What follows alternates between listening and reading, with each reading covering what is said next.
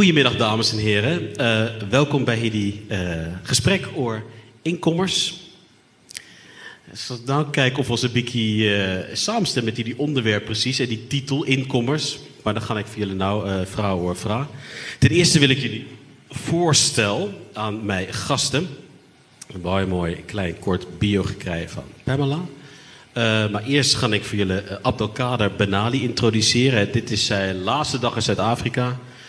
Vanavond vertrekt hij naar uh, Nederland. Toch terug. Eerst Nederland en dan ga je weer andere lezings houden, denk ik. ik ja, voor je... terug, ja. ja, maar goed. Voorlopig eerst terug naar K met KLM naar Nederland.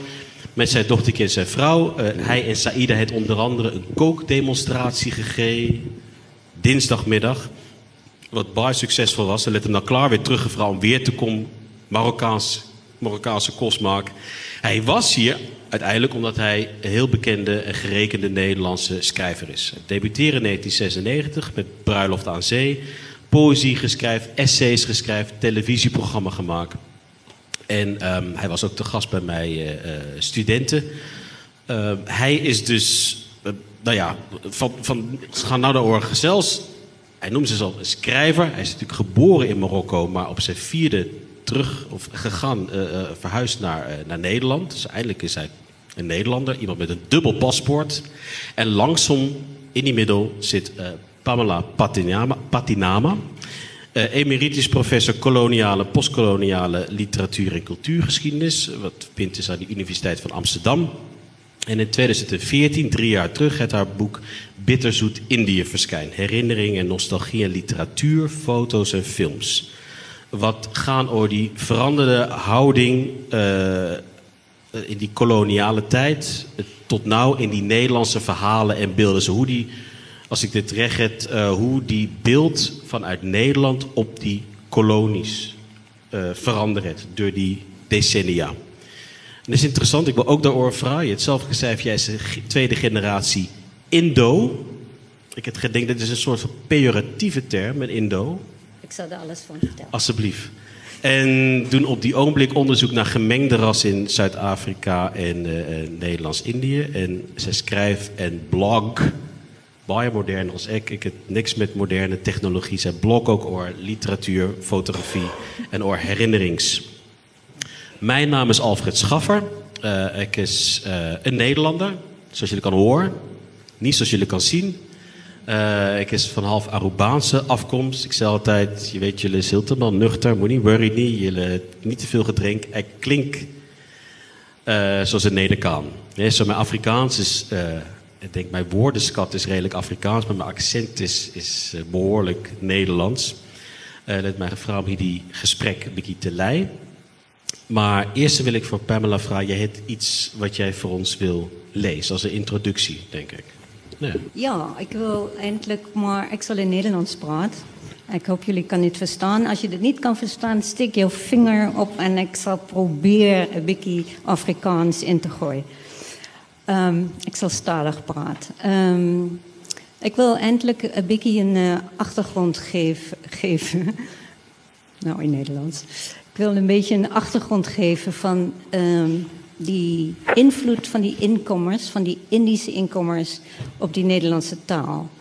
En uh, eerst wil ik iets zeggen, want ik heb gemerkt dat als ik in Zuid-Afrika praat over Indisch, dat mensen denken dit is van India. Maar dit is niet van India, dit is van Indonesië.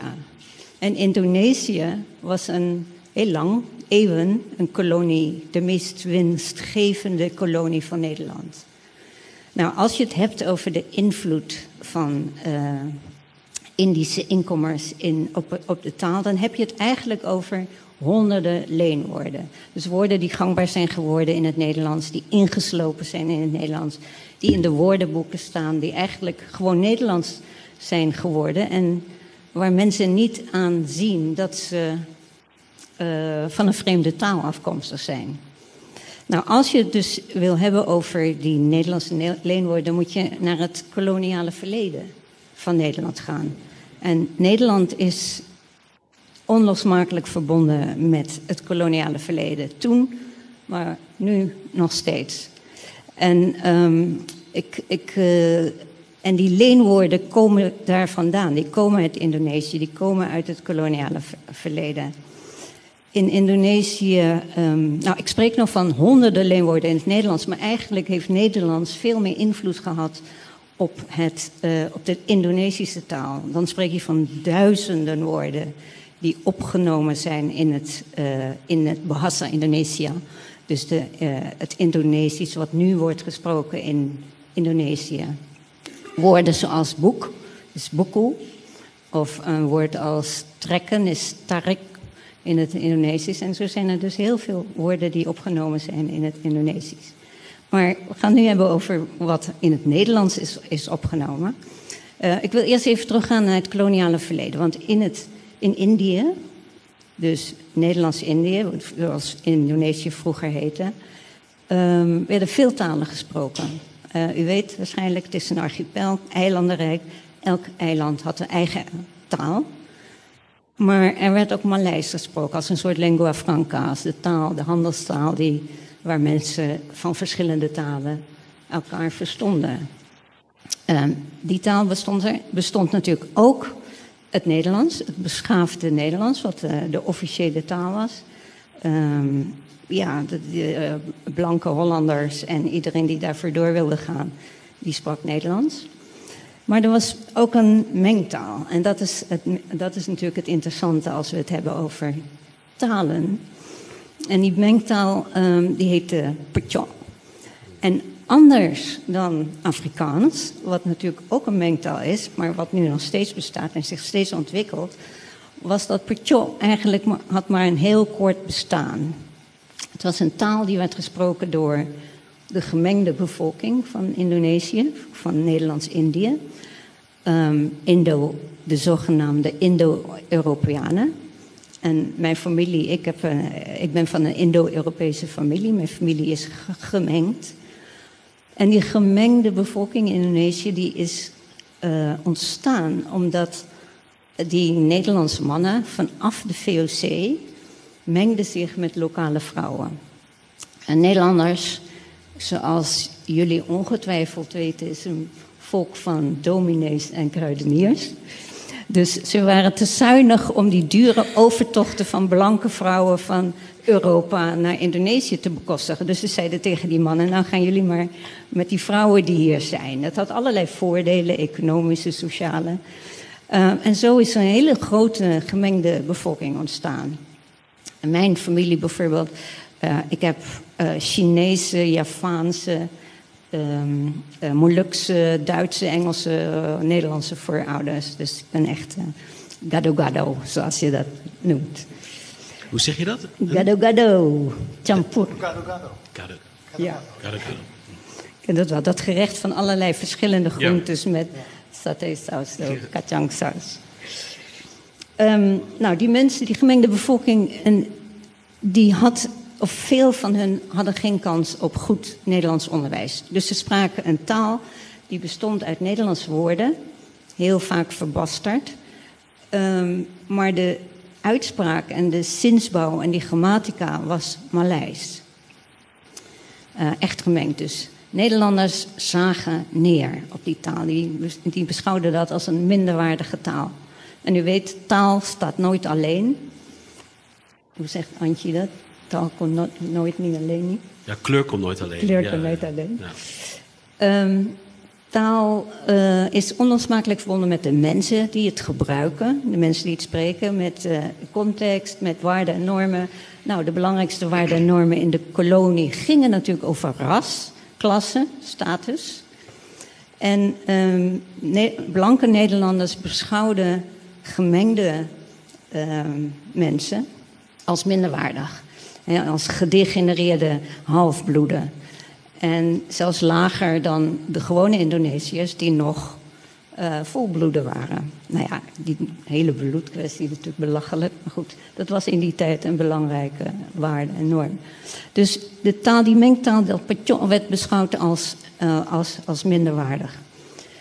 Um, je, je, je, je, die, je ziet ook eigenlijk in de literatuur die over Indië gaat... dat er een heleboel stereotypen zijn, negatieve uh, manieren waarop um, uh, mensen die praten uh, werden neergezet. Bijvoorbeeld um, helaas Oeroeg, belangrijkste, beroemdste boek in ieder geval over Nederlands-Indië in Nederland. Zo ongeveer. Hmm. En nou, als je goed leest, of ja, het valt zo op. Um, Haase die praat wel mooi over Nederlanders en over Indonesiërs, maar over Indo's, over Indische mensen, praat ze ontzettend negatief en stereotyp. Alle vrouwen zijn sletten en ordinair, alle mannen zijn kleine criminelen. Uh, en dat is heel duidelijk in dat boek, 1948. Gelukkig heeft ze het goed gemaakt met een van haar laatste boeken, Sleuteloog. Wat ik jullie allemaal kan aanraden om te lezen. Um, nou, je ziet dus dat, dat die, die taal um, was verbonden aan de mensen. De mensen werden als, als uh, minderwaardig uh, beschouwd, dus ook de taal. Maar die taal die is verdwenen. Met de dekolonisatie, toen zijn de meeste Indische mensen zijn naar Nederland gegaan... of ze zijn in Indonesië gebleven. Dus nu praten ze ofwel Indonesisch ofwel Nederlands. En die taal is eigenlijk uh, opgehouden te bestaan. Het is, een, het is een dode taal, dus in tegenstelling tot Afrikaans. Ik heb, een ik heb nog allemaal voorbeelden van woorden die opgenomen en misschien uh, moeten we dat straks even doen. Ja, dat is wel, dat interessant. Maar kan je iets, uh, voor ik voor, voor Abdel vragen wil vragen, kan je iets vertellen jouw persoonlijke achtergrond? Is jij, wanneer is jij naar Nederland gekomen? Wanneer hoe lang heb jij in Indonesië gebleven? Mijn, mijn pa en ma komen uit Indonesië. Hij is, is daar geboren, hij is daar groot geworden. En ik, um, mijn ma was ziek na die oorlog. En ze is naar Nederland gegaan om naar die hospitaal te gaan. En daar is ik geboren. Toen ik drie maanden oud was, was ons terug Indonesië toe. Wat toen nog op die rand was van de kolonie. Um, ik heb mijn eerste drie jaar in, in Indonesië doorgebracht toen was ons terug Nederland toe met die, onafhankelijkheid. Maar mijn pa ma kon niet gewoond raken aan die koude kikkerland in Nederland. Dus hij werd weer getrekt naar Nieuw-Guinea. Wat toen nog een, een, kolonie van Nederland was. Die naam nou is Papua, is nu een deel van, van Indonesië. En ik heb daar tot mijn vijftiende gewoond. En toen was ik weer in Nederland. Zo, wat was die huistaal? Wat had jij met je pa ma gepraat? Die huistaal was Nederlands. Want uh, uh, wij... Uh, ons mocht niet uh, praten. Dat was echt onder geen beding mocht het ons uh, mag praten. Want dat was die minderwaardige taal. Ons moet beschaafde Nederlanders worden. Hmm. Ook al was ons bruin. Ja, ik is niet zo bruin, maar mijn broer, boeties en mijn ouders is meer bruin dan ik. Um, dus alhoewel ons bruin was, moest ons zoveel mogelijk op blanke Nederlanders lijken. Dus ook die beschaafde taalpraat. Kan je niet zien? Dus een baie hybride achtergrond, beïnvloed door die koloniale Nederlandse geschiedenis. Ja. Abdel, jouw achtergrond. Uh, Waar, waar precies in Marokko ben jij geboren? Wanneer ben je naar Nederland gekomen? Ja, ik, ik ben geboren in uh, Noord-Marokko. In een, in een gebied wat uh, voor 85% ruraal is. En uh, dat uh, tijdens de koloniale periode, want taal en kolonie fascineert mij oneindig. Hmm. Um, tijdens de koloniale periode in Marokko, die liep van, 18, van 1912 tot 1958, onafhankelijkheid van Marokko. Uh, in die periode was Marokko verdeeld in twee delen, namelijk een Frans protectoraat en een Spaans. En Spanje uh, kreeg de macht over Noord-Marokko. En die grens liep. Uh, tussen, nou ja, even algemeen, we gaan geen topografie doen hier, maar gewoon het noorden van Marokko. En ja. nou, daar ben ik geboren. En dat noorden van Marokko, dat is van oudsher traditioneel al millennia lang Berbers sprekend. Je hebt in Marokko een aantal officiële talen. Het Arabisch, het Marokkaans-Arabisch, wat de spreektaal is. En dan heb je de Berbertalen. En die verschillen volledig van het Marokkaans-Arabisch. Dat, zijn- dat is een andere zelfstandige taal. Het, het, het Berbers staat tot het Arabisch als het Duits tot het Russisch. Dus als een ehm, Marokkaan uit Casablanca of uit Rabat, die met het Arabisch en het Frans is opge- opgevoed, naar, naar de provincie gaat, dan hoort hij Berbers, maar hij verstaat het niet. Dat helemaal iets van? Helemaal niks. Omgekeerd verstaan 90% 85%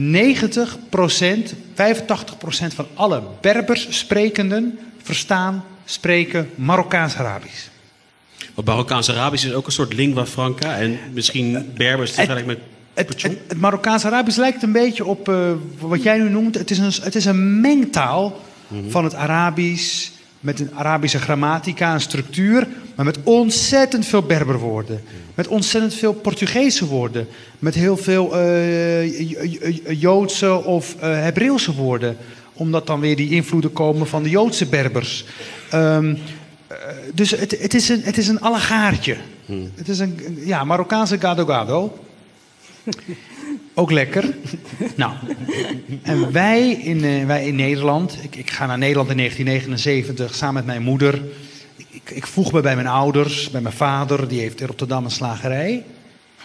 En in ons huis, bij ons thuis, werd er alleen maar Berbers gesproken. Er werd geen Nederlands gesproken. Dus dat was een trots. Ja, Niet misschien de officiële lingua franca, Ja. Marokkaans. Er was een maar- hele duidelijk besef van... wij moeten vasthouden aan onze taal. Dat, dat is wie wij zijn.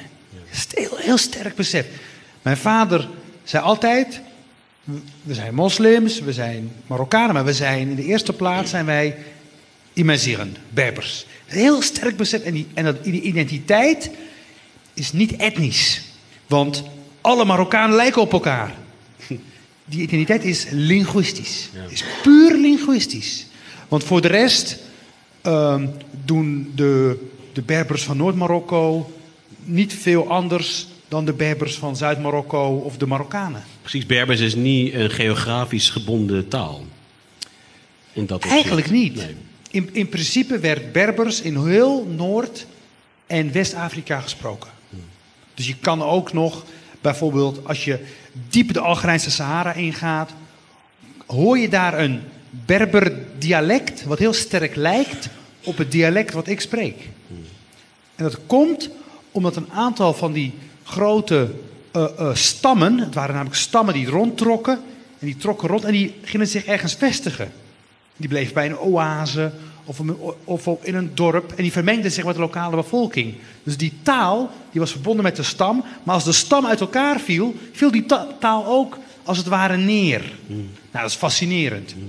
Als je door de Sahara trekt en je gaat naar, eh, naar Mali, je komt aan in eh Djenné of in eh, Timbuktu, dan hoor je Tamashekt. En Tamashekt is, ik, vers- ik versta er helemaal niks van. Ik hoor het, ik versta er niks van, maar ik, heb, maar ik voel wel dat het Berbers is. Nou, in Nederland krijg je een situatie. Wij zijn, te- wij zijn in een volledig Nederlandofone omgeving. Dus we, we, we kijken naar de Nederlandse televisie. We hebben Nederlandse buren. Maar we praten over Nederland. We praten over wat er op de televisie gebeurt met onze ouders in het In Berbers. Berbers. Maar nu komt het volgende. Als wij aan tafel zitten om te eten, avondeten. Ik kom uit een grote familie, oudste van acht. Dan praten wij met onze ouders in het Berbers. Maar onderling praten we Nederlands. En dat is heel interessant. Want ik, jij bent mijn vader en jij bent mijn zus. Dus ik praat met jou, eh, met mijn vader praat ik Berbers. Ja. En als ik naar jou kijk, ga ik over in het Nederlands. En zo, het is net een pingpongwedstrijd. Maar is, eh, is jouw, jouw vader, jouw pa, is in, in, in, in staat om die Nederlands te volgen? Of is hij op dat Ja. moment uitgesluit van die discussie tussen jou en je zuster? Hij zegt daar niks over. Oké. Zo, je weet Mijn, niet. mijn vader is niet zo'n persoon die daar commentaar bij geeft. Maar wat denk jij? Eh, eh, Volg hij, volg hij die discussie tussen jou en je zuster in Nederlands? Of is, dit, of is daar zo Dat zo'n 50, 60 weet procent dat hij ook... Dat ik, weet je ik denk, ik denk dat hij... Ik denk dat ouders alles begrijpen van hun kinderen. Ja, Nou, ja. Ja, ja maar het misschien niet zeggen. Want, want, want ik, ik, heb, ik heb namelijk heel lang gedacht dat hij, dat hij er niks van begreep. Maar dat ben ik, ben ik van teruggekomen. wat praat hij met zijn klanten in de winkel? Ja, Nederlands. Nederlands. Nee. Maar wij, wij- mijn vader heeft een slagerij. En de cliëntelen van, mijn, van, mijn, van, mijn, eh, van, mijn, eh, van, van die winkel, de mensen, de klanten, dat zijn vaak mensen uit, uit de, de voormalige koloniën. Indonesië Ja, of Suriname of de Antillen. En ook daar is het Nederlands een soort van pidgin Nederlands. Het is een mengelmoes Nederlands. Dus ik, dus ik ben opgegroeid, mijn oor is opgegroeid met, met ABN. Ja, gewoon ABN op op scholen, door middel van de liedjes en de boeken en, en et cetera. Maar op straat en in, de, in, het, in het zaken doen was er weer een ander Nederlands. En mijn, en mijn vader, die, ehm, die, die, die redde zich daar wel in. Er was één type Nederlands wat voor heel veel problemen zorgde. En dat is het Nederlands van de confrontatie en de strubbelingen en de, en de, en de drempels. Namelijk de, de taal van de bureaucratie. Oh ja. Voor ons was het Nederlands was de taal van de bureaucratie. Een formulier invullen. Oh. Eh, een paspoort aanvragen. Naar het gemeentehuis. Dus de taal was voor mijn vader... Dat was een taal zonder gezicht. Dat is een abstracte Nederlands. Nee? Heel abstract. Ja. En ik moest, heel vroeg moest ik mijn ouders die taal helpen overmeesteren. Dus ik, ik moest in een soort van. Ik moest het gevecht aangaan met die bureaucratie. En ik moest dan als voorbeeld mijn ouders uitleggen wat de vraag betekende. Het was baaien moeilijk. Want een bureaucratische vraag kan je niet uitleggen. Ja. Dat is verschrikkelijk. Dus stond daar bijvoorbeeld. eh, kunt u aangeven onder welke omstandigheden Ja. uw laatste kind is ingeschreven op eh, de hierna te volgen eh, openbare onderwijsinstellingen? En dan zat mijn vader. Dus mijn vader ging dan over mij heen. Die zei: Wat is dat? Wat is dat? Ik zei: Ja, even wachten. En dan ging ik vertalen. En dan verzon ik gewoon de vertaling. Ik, ik verzon gewoon openbare onder- onderwijsinstellingen. En ik verzon, nou ja, Maar goed, dit is, dit is ook voor Nederlanders denk ik een moeilijke taal. Een bureaucratische taal is een moeilijke taal. ja. Wat interessant is natuurlijk, eh, ik ga, dit is nou niet, eh, ik, is die aanbieden, maar als ik kijk naar mijn eigen achtergrond, eh Papiamento is ook een hybride taal. Hè? Groot invloeden van Spaans, Frans, Portugees. Ons praat hier dus van drie baie hybride achtergronden. Wat natuurlijk interessant is met van jullie wat bekend is met op die ogenblik in West-Europa aan die gang is. En dat ook in die Verenigde Staten is dat taal gezien wordt als een soort van een nationale entiteit. En, en die aspecten wat je allemaal al bij noemt, migratie, hybriditeit, vermenging, is eigenlijk niet te sprake. En dit is ook die titel voor mij interessant is, die inkommers, mensen van buitenaf. Eh, om te beginnen bij jou, zie, hoe zie jij jouzelf, eh Pamela, als een inkommer in die Nederlandse samenleving? Voel je je Nederlands? Voel je Indonesisch? Hoe, hoe verhoudt het, dat zich tot jouw taal? Ehm, ik maak altijd een onderscheid tussen Nederlands en Hollands. Ik voel me Nederlands, ehm, maar niet Hollands. Dus die, datgene wat in Nederland, eh, ja, dat, dat stijve recht door zee, eh, dat harde en dat grove wat in Nederland aanwezig is, daar voel ik me niet verwant mee. Dat is wat ik Hollands noem. En Hollands is die negatieve deel. Ja, ja, Ja, ja, zoiets. het rechtlijnige, stijve, ontoegankelijke misschien. Ja, misschien. En ik, ik noem mijzelf eh Indisch, eh, een Indische Nederlander. Ehm, om, eh, nou ja, om aan te geven dat ik inderdaad een inkomer ben. Dat, ik, dat ik niet, dat mijn familie niet eh, van eeuwenlang in Nederland is, maar ergens anders vandaan is gekomen.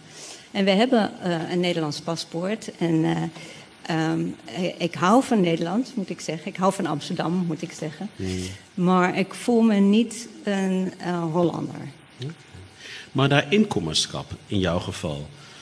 Dit is eigenlijk niet die taal niet, maar dat is die achtergrond, die familie, die Ja. omgeving geweest, Ja. die geografie. Want je ze hebben die huis, weet jullie, eindelijk Nederlands gepraat. Juist Ja. omdat Pechol een taal was wat minder waardig is. Ja. Zo van die begin af weet je eigenlijk een, een, een, een type van Nederlandse opvoeding ook gehad. maar in die buitenland. Ja, precies. Het was niet, het, het was niet die taal wat mijn, eh, wat mijn, Hollands, of wat mijn Nederlander had gemaakt. Maar, ehm, nou ja, die, die paspoort. Ehm, en ehm, ehm, dat is altijd een, een beetje moeilijke zaak, die, wat jouw identiteit is. Want ons heeft ook niet, niemand heeft een vaste identiteit, een gefixeerde identiteit. Het, de identiteit is ook vloeiend en het bestaan ook uit meerdere dingen. Ik is Nederlands, maar ik is ook eh, in, Indisch. Eh, en ik is ook een vrouw. En nou ja, zo heb je verschillende ide- identiteiten. Wat jou tot jou maakt. Wat morgen, morgen ook weer anders kan wezen. Ehm, wat was die vraag ook alweer? Dat is niet een specifieke vraag geweest, Pamela. Maar eh, die, die, die, die feit dat jij eh, Nederlands als, eh, als een huistaal gehad hebt, betekent Ja. dat jij. eh, het feit dat jij jezelf een Indonesisch, een Nederlands-Indiër noemt, niet te doen hebt met taal, eindelijk. Waar het ook een beetje in die omschrijving vandaag orgaan. Nee. Het is die taal en die invloed van die taal. Maar eigenlijk komt het heel andere zaken, waardoor je Ja. jezelf zegt: ik is niet helemaal Nederlands. Nee. Ik is ook iets anders. Ik kan ehm, bijvoorbeeld, ehm, mijn pa, eh, het, mijn pa is overleden, maar het baie correct Nederlands gepraat. En dat is precies hoe kom hij wil, als een, als een Indo, wil hij zo Nederlands mogelijk weten. Pas als hij emotioneel wordt, dan komt hij in die in, Indo-taal uit, dat petjok komt uit. Dan hoor je onmiddellijk aan zijn taal, hij is kwaad, hij is emotioneel. Hij gebruikt die, die woorden en die eh, ritme en die uitspraak eh, van, van die petjok. En eh, ondanks hemzelf, want hij wilde, het- hij wilde het niet, hij wilde het niet, weet niet, maar ondanks hemzelf praat hij zo. Dat is interessant. Eigenlijk is het precies die tegenovergestelde. Jouw, jouw ouders, wat wil deel wezen van die groot eh, West-Europese machthebber, Nederland. Een klein landje, maar toch. Ons probeert zo goed mogelijk Nederlands te praten. Ons vergeet eigenlijk van ons hartstaal. Waarin ons liefhe en vloek en al daar soort goed. Terwijl jouw ouders zei, ons hou juist hier die Berbers in Nederland. Dus probeer, ons wil niet aanpassen aan die Nederlanders. Dus gaan niet, ons wil wiki van onze eigen cultuur bewaren.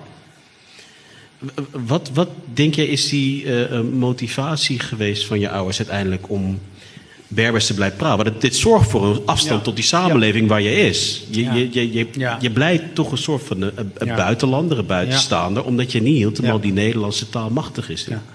Ja, maar om, om, om, om te begrijpen waarom die mensen die keuzes hebben gemaakt, moet je ook heel erg goed kijken naar in welke periode ze naar Nederland kwamen Ja. en wat voor land Nederland was.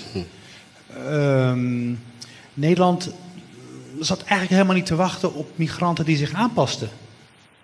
Er was totaal geen, vanuit de maatschappij, de politiek, een eh, bewuste, emotionele of, of politiek om mensen ertoe aan te zetten om Nederlander te worden. Eh, De, sterker nog, er was tegenovergestelde. Nederlanders zien zichzelf toch als een redelijk unieke groep. Met eh, hele duidelijke onderscheidende karaktertrekken die de rest van de wereld niet heeft. En ze zullen je altijd duidelijk maken dat ze anders zijn. En aan het einde van de discussie zeggen ze: daarom kan jij nooit Nederlander worden. En dat is goed zo, want wees maar blij dat je niet zoals ons bent, want wij zijn een verschrikkelijk volk. Dus daar zit ook iets daar zit ook iets, iets, iets, iets, masochistisch in. Ja. Maar dat dat is de Nederlander. Die gaat gebukt onder zijn Nederlanderschap en geniet daarvan. Dus, dus, dus, een, dus aan een migrant vragen om die exercitie uit te voeren, ja, dat is natuurlijk gezot. Hmm. Raar. Dus plus, er komt ook nog ander. Kijk, kijk ook naar sociale klassen. Eh, Mijn ouders komen niet uit een mi- middenklasse. Het waren hele eenvoudige mensen. Niet eenvoudig intelligent, maar uit een eenvoudig boer- boerenmilieu. Het waren keuterboeren. En, mijn vader ging op goed geluk naar, naar Nederland. En werd, werd succesvol.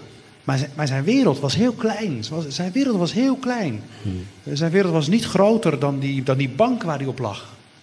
en werken. Hij, hij was echt alleen maar Nederland om heel hard te werken en centjes te verdienen. En om hem heen zeiden alle Nederlanders van, nou, dat doe je hartstikke goed, Benali. Mijn, mijn vader, de leveranciers van het vlees, de mensen die het vlees brachten naar de slagerij, waren allemaal Nederlanders. Allemaal blauwe, o- helblauwe ogen. Die kwamen, uit, die kwamen om vier uur s ochtends uit die koelingen. Die gigantische slachthuizen. Ik- Bij nul graden. Van die, van die blauwe, felle ogen met dat blonde haar. In een witte, in een witte kombuis. Ja. En dan kwamen ze binnen met die eh, kalfs... eh, die reuzen. Ja. Daar had mijn vader mee te maken. Dat ging uitstekend. En die, het leuke is van die, van die mensen met die agrarische achtergrond... die hoeven niet veel te praten. Die hoeven niet veel te praten. Die taal is niet zo... Het gaat, om de, het gaat meer om vertrouwen en, een, en duidelijke afspraken. Als je die kan maken, dat is goed. Dan gaan we geld verdienen. Gaan we, dus, dus ook die Nederlandse mentaliteit. Hè, Dominees en, en, eh, en, en, en koopmannen. En mijn vader heeft dat, sprak, het, denk, sprak dat heel erg aan, denk ik. Van, oh, die Nederlanders, die, die willen niet weten wat je geloof is. Die willen niet weten waar je vandaan komt. Die willen niet weten welke taal je spreekt. Het enige wat ze willen weten is of je je rekeningen op tijd betaalt. Top! Zo ben ik ook. Heel pragmatisch. Ja. Ja. En dat maakte Nederland voor eh, migranten eh, een heel interessant land. Want eh, als je naar Duitsland gaat, of Frankrijk is voor migranten verschrikkelijk. Want, want, want Fra- Fra- de Fransen hebben een totaal gestoord idee over nationale identiteit. Hun, als een, ze zeggen, hè, de uitdrukking is... als een Fransman zijn paspoort open doet, krijgt hij een erectie. Terwijl als een Nederlander zijn paspoort open, open doet, dan denkt hij: hoeveel heb ik betaald voor het visum? en waarom kwam ik, niet, waarom kwam ik er niet gratis in? Dus, dus zo zie je maar. Dus het feit dat, dat, dat, die, dat die Nederlander over zijn eigen identiteit, nationale identiteit zo ontspannen is, dat, dat, dat biedt grootse mogelijkheden. En Maar dat is, en dat, maar goed, dat is, maar dat, dat aspect, die ontspannen omgang met identiteit, is natuurlijk in het Nederland van 2017 compleet veranderd. Ik wou zeggen, want dat is natuurlijk wel waar het hier een beetje onderliggend over gaat. Hè. Die, die ontspannenheid is weg. Ja. En dit is die, die andere vraag, wat ik jullie wil vragen. Daar wordt altijd gezegd, die van die discussies is een beetje linkspolitiek. Hè? Ons is allemaal links. Ons is niet rechtse figuren wat hier zit. Ons zal niet zeggen eh, hybriditeit, ander taalinvloeden, in ieder geval die Nederlandse taal, is een verarming. Maar natuurlijk op die ogenblik is daar in Europa genoeg mensen wat zeggen... dit is een verarming. Invloeden van buitenaf willen ons niet heen, want ons gaan ons Nederlandse, Franse, Engelse, Duitse, wat ook al, identiteit verloor.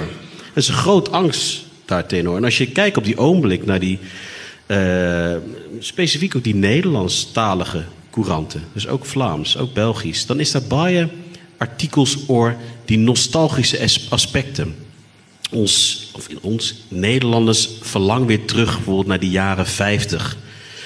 Toen was er nog niet iPhones. Toen was er nog niet eh, al die, die nieuwe technologie. Maar die onderliggende gedachte is natuurlijk ook...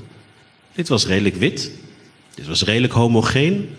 Dit was redelijk veilig. Dit was redelijk eh christelijk. Hè, er was niet andere invloeden die hang naar die jaren 50, jaren 60, wat natuurlijk eh, een valse eh, eh, voorstelling is. Want in daar die tijd was Nederland in die wederopbouw, dat het niet zo goed gegaan met die land. Ehm zorgt daarvoor dat daar weer een bepaalde hang, eh, drang komt naar homogeniteit. Nou, die vraag aan jullie is, en ik wil graag ook een beetje voorbeelden naar horen. Pamela, je heeft die voorbeelden daarvan, hè? invloeden van Pechong misschien op die Nederlandse taal. Maar is het voor jullie, wat jullie betreft, is het een verrijking? Is er ook voorbeelden van Berbers of Marokkaans misschien op die Nederlandse taal? Is het een verrijking of zou jij zeggen, misschien een beetje een oor, oorbodige vraag, of is het een verarming? Invloeden van buitenaf, zeker als het tot relateren aan die Afrikaans, invloeden van buitenaf op in ieder geval die Nederlandse taal. Is het een verrijking of verloor Nederlands op dat moment iets aan zijn eigen kracht? Ja, interessante vraag. Ehm, ik denk dit is een verrijking. En ehm, niet alleen omdat taal levend is. Hè. Je moet altijd nieuwe woorden invoegen. Je moet eh, woorden verzinnen voor begrippen wat vroeger nog niet bestaan. Dus jij moet nieuwe woorden maken. En als die, en als die woorden uit, uit, uit die Engels komen of uit uh, Indonesië of uit uh, het Berbers, uh, dan is dat een verrijking van die taal. Um, maar nog iets anders is er over verrijking. Want toen die Indische inkomers in Nederland was, dat was precies in die jaren 50, wat, waar nou zo nostalgisch voor gedaan wordt. Hmm. Um, maar wel het rechtig, erg um, een verrijking gebracht in Nederland. Ik heb al gezien, Nederland was in die tijd na die oorlog was heel stijf en streng en Calvinistisch. En toen kwam die Indische jongens en meisjes, hulle het die jeugdcultuur in Nederland gebrengen, hulle het die rock and roll gebrengen, hulle het die jive gebrengen. En dan, um, zoals die, ja, die, al die sexy, uh, donkere jongens en, en, uh, en, meisjes wat in Holland kwam en ja, los in die heupen was. En, uh, echt erg een ander soort cultuur het gebruikt. Het was erg een prachtige verrijking van, van die Nederlandse cultuur. En ook die kombuis, die keuken, die kost van Nederland was niks waard niet. Het was hutspot en erwtensoep en uh, wat nog meer? bruine bonen. Bruine bonen. Ja. ja. en hij laat exotische kost gebruiken. Uh, heet eten, uh, saté, nasi goreng, champoehans. Mm. Heerlijk eten, zoals jullie nou, dat ook de, jullie Marokkaanse keuken in Nederland invoeren.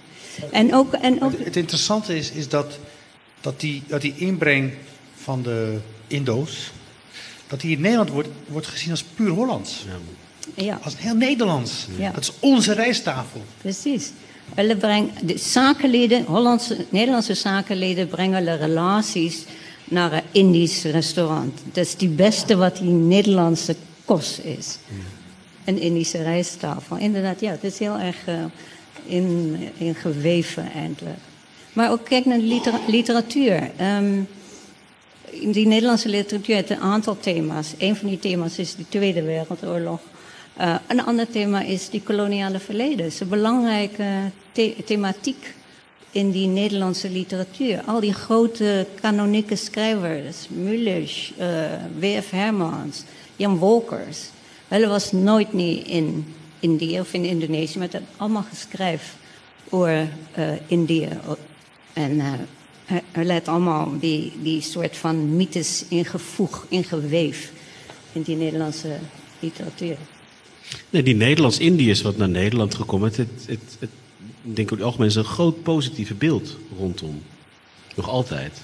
Zeker als je kijkt naar Den Haag, hè, waar het ja. van die Nederlands-Indiërs uh, geland is. Dit is een, dit is een, een, een, een, groep mensen wat, uh, uh, wat met liefde en zorgzaamheid aan gedenkt wordt. En die eethuizen, wat vanaf het begin al daar was, bijvoorbeeld in Den Haag is uh, bij bezoek uh, gefrequenteerd maar, door die maar, Nederlanders. Dat, maar, dat is de mythe. Ja, precies. De werkelijkheid. Ja, precies. Dat, is waar dat ik de Indo's, toen ze aankwamen ja. op de Indische duinen, zijn in barakken gestopt. Ja. ja. En moesten zich koest houden. Ja, en hulle, hulle was ook baie verbitterd, nog steeds die eerste generatie baie verbitterd, omdat hulle verhalen, stories, um, hulle geschiedenis wou niet, Hollanders wou niet die stories horen. Mm. Ons het gelei in die Tweede Oorlog en jullie, dit was warm daar. Dus wat ik bedoel, dit is die oppervlak, hè? dit is die beeld wat daar bestaan. Ja. Maar hoe, hoe heet jij dit ervaar als, als een persoon in Nederland? Heet je daar van antagonisme ook gevoel? Ja, ja. Um, er is een soort van paternalisme in die, Nederland, in die Nederlanders. Een soort van, uh, niet recht uit zee, maar hulle laat jou voelen, jij is anders. Jij is minder dan, dan ons. En dat is baie moeilijk om aan te wijzen, maar ons kan het voelen. En bij jullie was het meer subtiel, denk ik. Ja, bij jullie, die Marokkaanse gemeenschap is dit ooglopend, zeker op die ogenblik. Men is heel eerlijk tegenover Marokkanen. Toch? Ja. Ja, men is heel eerlijk en, uh, en het wordt dan uitgelegd, dat, dat hele discours over Marokkanen wordt dan uitgelegd als cultuurkritiek of religiekritiek. Of, maar het is plat gezegd ra racistisch discours. Wat, wat aan de oppervlakte is gekomen door, door, door mensen als Geert, Geert Wilders. rechtse politicus in Nederland. Ja, En, en je ziet dat dat trekt nu door, hè, die, die, dat racistische discours, dat trekt nu echt ook ineens sterker door richting. ehm, eh, we moeten vreemdelingen niet alleen zien als eh, een bedreiging voor de nazistaat, voor, de, voor, voor het idee van volk, maar dan, gedefinieerd als nazistaat, maar ook ze zijn een bedreiging voor het ras. Hè, het blanke ras. Dus de- de- Die ideeën die nu uit Amerika komen, die beginnen ook bij rechtsconservatieve denkers en, en intellectuelen in, in Nederland wortel te schieten. Dat Ja. ze zeggen van, we moeten Europa, moeten we, als we niet oppassen, dan, wordt Europa, dan verkleurt Europa. Alsof wit geen kleur is. Hè? Verkleurt Europa, wordt het een bruin continent, een zwart continent. Dat is een discours als je tien jaar geleden had gezegd dat dit discours in Nederland ehm, in bepaalde kringen opgang zou doen, dan zou, je, zou iedereen je voor gek verklaren. Maar nu is dat wel onderwerp. Het, wordt, het gaat steeds meer richting mainstream. En wij zijn natuurlijk hybride. Dat is vanzelfsprekend. Iedereen is hybride. Hmm. Iedereen is hybride. Ehm, maar Alleen- waar kom je die... Alleen je kan, niet, je, kan niet, je kan niet zeggen die is niet hybride of die wel. Dat kan niet. Niet op basis van huidskleuren of nationaliteit. Je bent altijd hybride. Ehm, je kunt ook niet zeggen. Er was een moment dat, het, dat we gelukkig waren en dat het goed ging en toen ging het. Dat, dat, is, dat, dat is niet zo.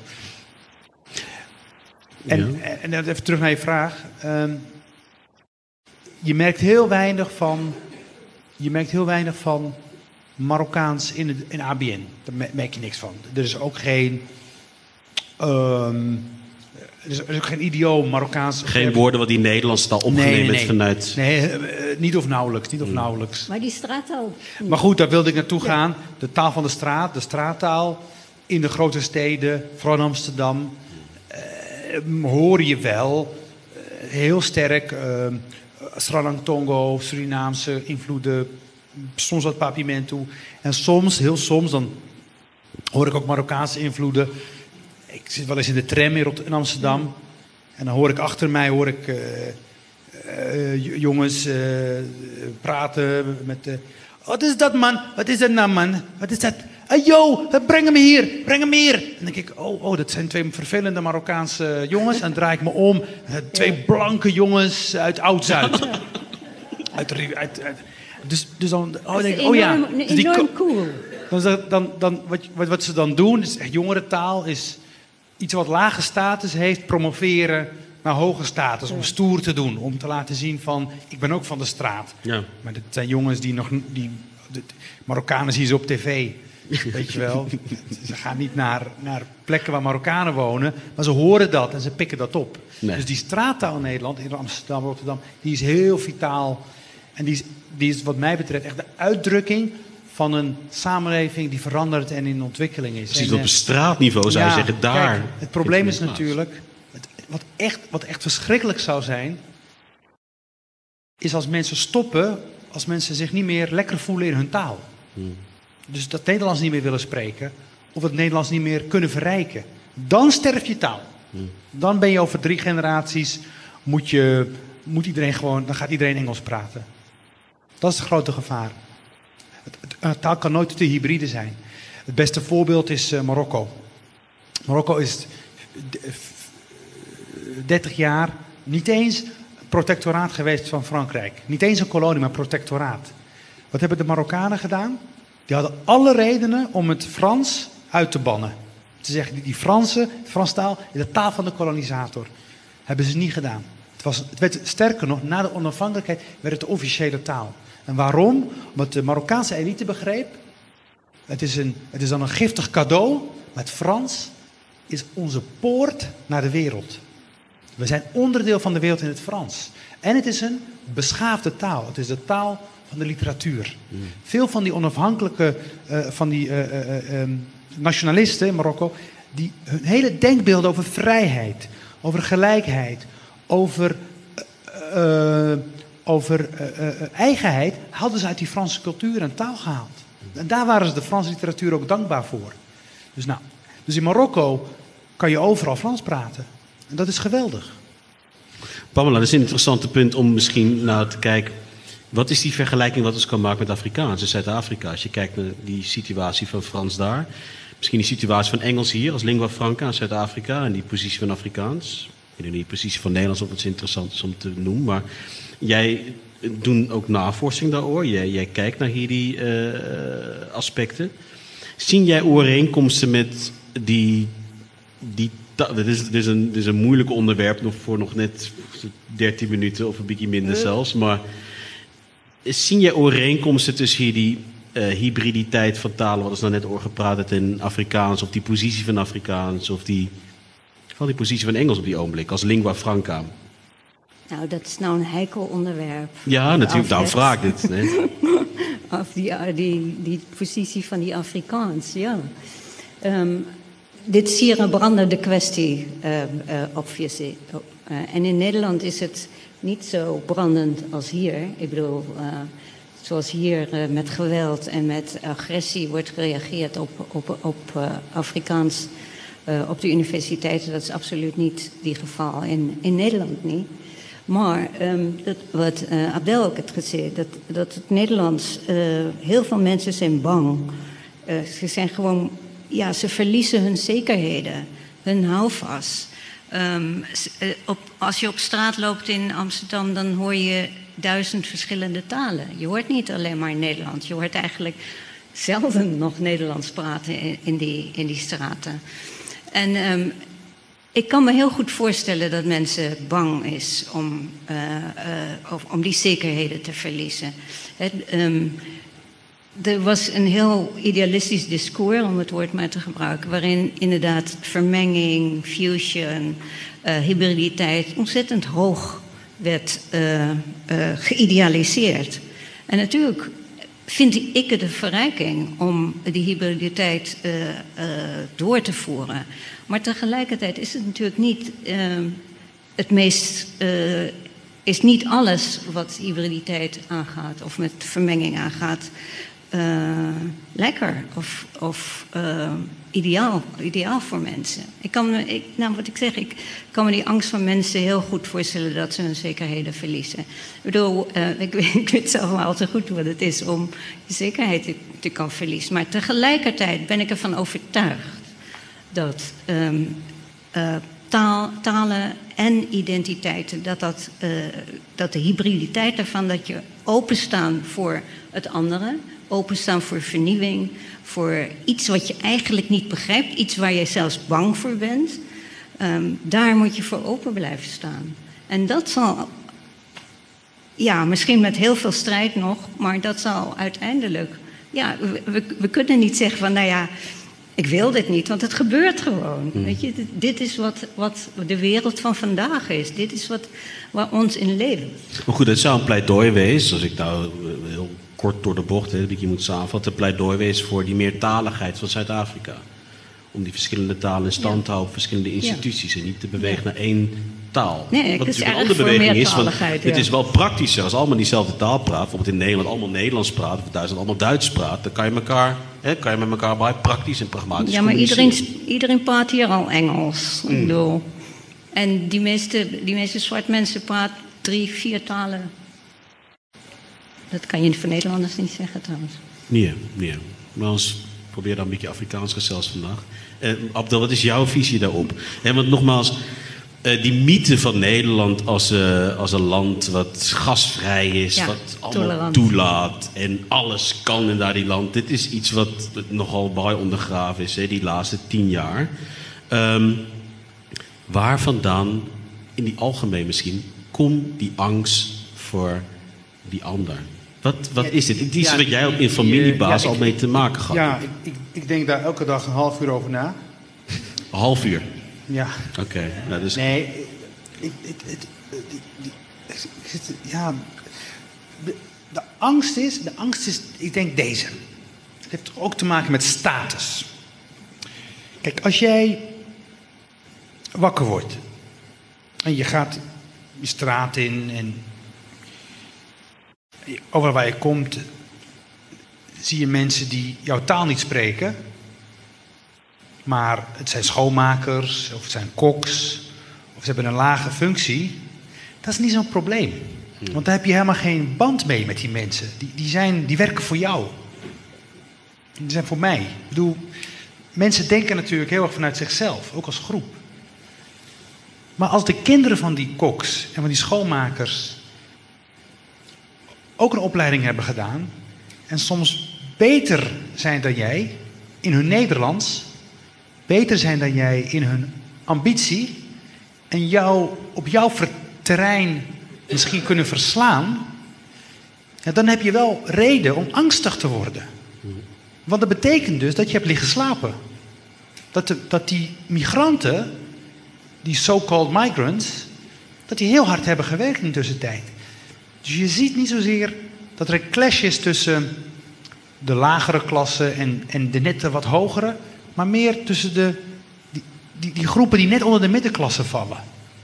Die hebben het meest te vrezen van de nieuwkomers. Want die nieuwkomers, ja, die komen naar Nederland eh, en die denken: wow, dit is paradijs. Nederland heeft veiligheid, heeft tolerantie. Tuurlijk, politiek is niet leuk, maar daaronder kan je toch je gang gaan. Als wij goed investeren, dan kunnen onze kinderen naar de uh, universiteit gaan. En dat elan, die energie, ja, dat, dat ontbreekt veel Nederlanders natuurlijk ook gewoon. Omdat ze gewend zijn dat alles al voor ze is ingevuld. En ik denk dat heel veel mensen angstig maakt. En om heel eerlijk te zijn, ze moeten ook daar heel angstig van worden. En hopelijk zien ze het als een reden om wel wat te gaan doen. En ook te ondernemen. Maar je kan niet zeggen, ja, die buitenlanders die krijgen alles. Maar zelf wil je ook alles voor niks. En ik denk dat dat, dat, dat, dat die angst is die heel sterk leeft in Nederland van, van ja, ja, het is een buitenlander, hij spreekt de taal niet. Dat is makkelijk, het is daar. Maar als iemand jouw baan krijgt, omdat hij net wat beter op die vacature ingaat, ja, dan. En ik denk dat, op, dat, dat mensen als Wilders heel goed begrijpen dat veel mensen hier bang voor zijn. Nederlanders, wat denkt dat er praat vanuit een nationalistische discours. De Nederlander bestaat weer. Praat eindelijk een verschrikkelijke hybride taal wat van al die kanten uitkomt. Nee, dat is Onbewust. mooi. Dit is een, mooi slotsom om bij mee af te sluiten. En uh, die vergelijking met Zuid-Afrika, dat is een moeilijke een, omdat die verschillende culturen en talen hier binnen één land plaatsvindt. Maar um, ik denk hier die linkspolitieke slotsom van ons toch kan wezen dat, dat talen definitief altijd onderdeel is van migratie, van cultuurvermenging, van hybriditeit, van uh, rassen wat met elkaar kruis. En uh, ik wil jullie baie dankie uh, zeggen voor die, voor die interessante onderhoud. En ik zeg ook in de papiamento graag voor jullie masje dankie.